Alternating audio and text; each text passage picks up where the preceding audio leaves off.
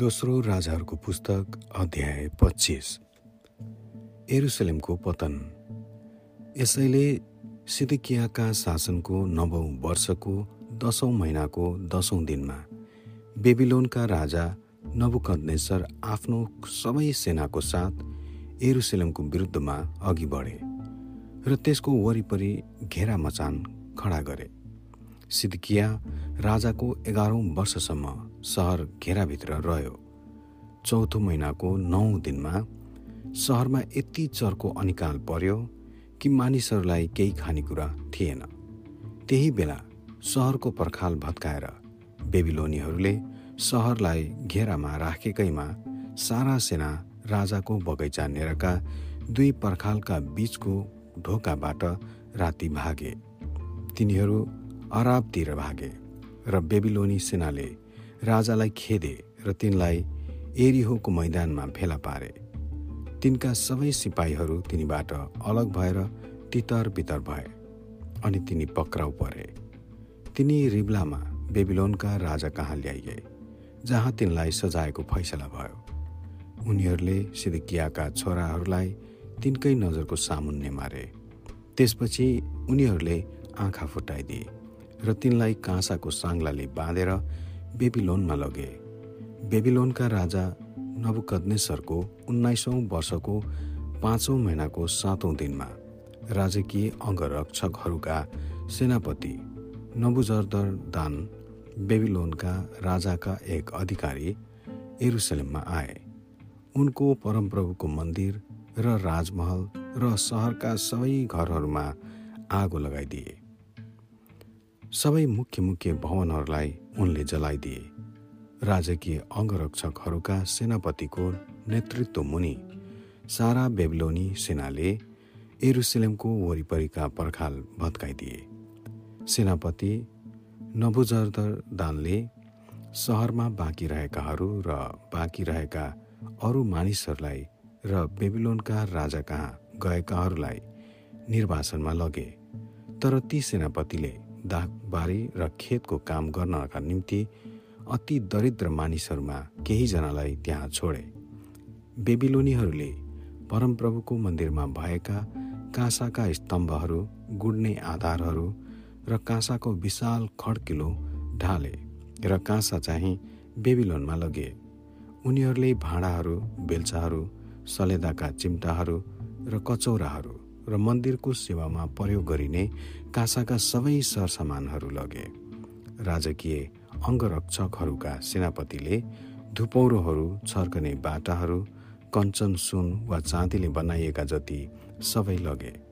सोलोमनले परमप्रभुका मन्दिरको निम्ति बनाएका दुईवटा स्तम्भहरू विशाल खड्कुलो र गुड्ने आधारहरूको काँसो जोख्न नसक्ने थियो। प्रत्येक स्तम्भ अठार हात अग्लो थियो। एउटा स्तम्भ माथिको स्तम्भ शिर तिन हात अग्लो थियो र काँसाको जाली र दारिमका बुट्टाले चारैतिर भरिएको थियो। अर्को स्तम्भ त्यसको जाली समेत ठिक त्यही किसिमको थियो। अङ्गरक्षकहरूका सेनापतिले मुख्य पुजारी सरायाहा र दोस्रो दर्जाका पुजारी सपन्यालाई र तिनजना ढोकेहरूलाई पनि कैद गरेर लगे। सहरमा अझै रहिरहेकाहरूमध्ये उनले योद्धाहरूका प्रमुख अधिकृत र पाँचजना राजकीय सल्लाहकारहरूलाई लगे। उनले देशका मानिसहरूलाई सेनामा भर्ना गर्ने मुख्य अधिकृत सचिव र सहरका माफेला परेका तिनका साठीजना मानिसहरूलाई पनि लगे। अङ्गरक्षकका सेनापति नबुकनदारले रिब्लामा बेबिलोनका राजा कहाँ तिनलाई सबैलाई ल्याए। त्यहाँ हमादका देशको रिब्लामा बेबिलोनका राजाले तिनीहरूलाई मार्न लाए। यसरी यहुदा आफ्नो देशबाट कैदमा लगियो।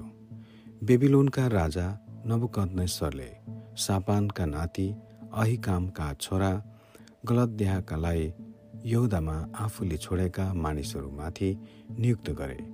जब सेनाका सबै अधिकृतहरू र तिनीहरूका मानिसहरूले बेबिलोनका राजाले गदल्यालाई राज्यपाल नियुक्त गरेको कुरा सुने तब तिनीहरू मिस्पामा गदल्याह कहाँ आए।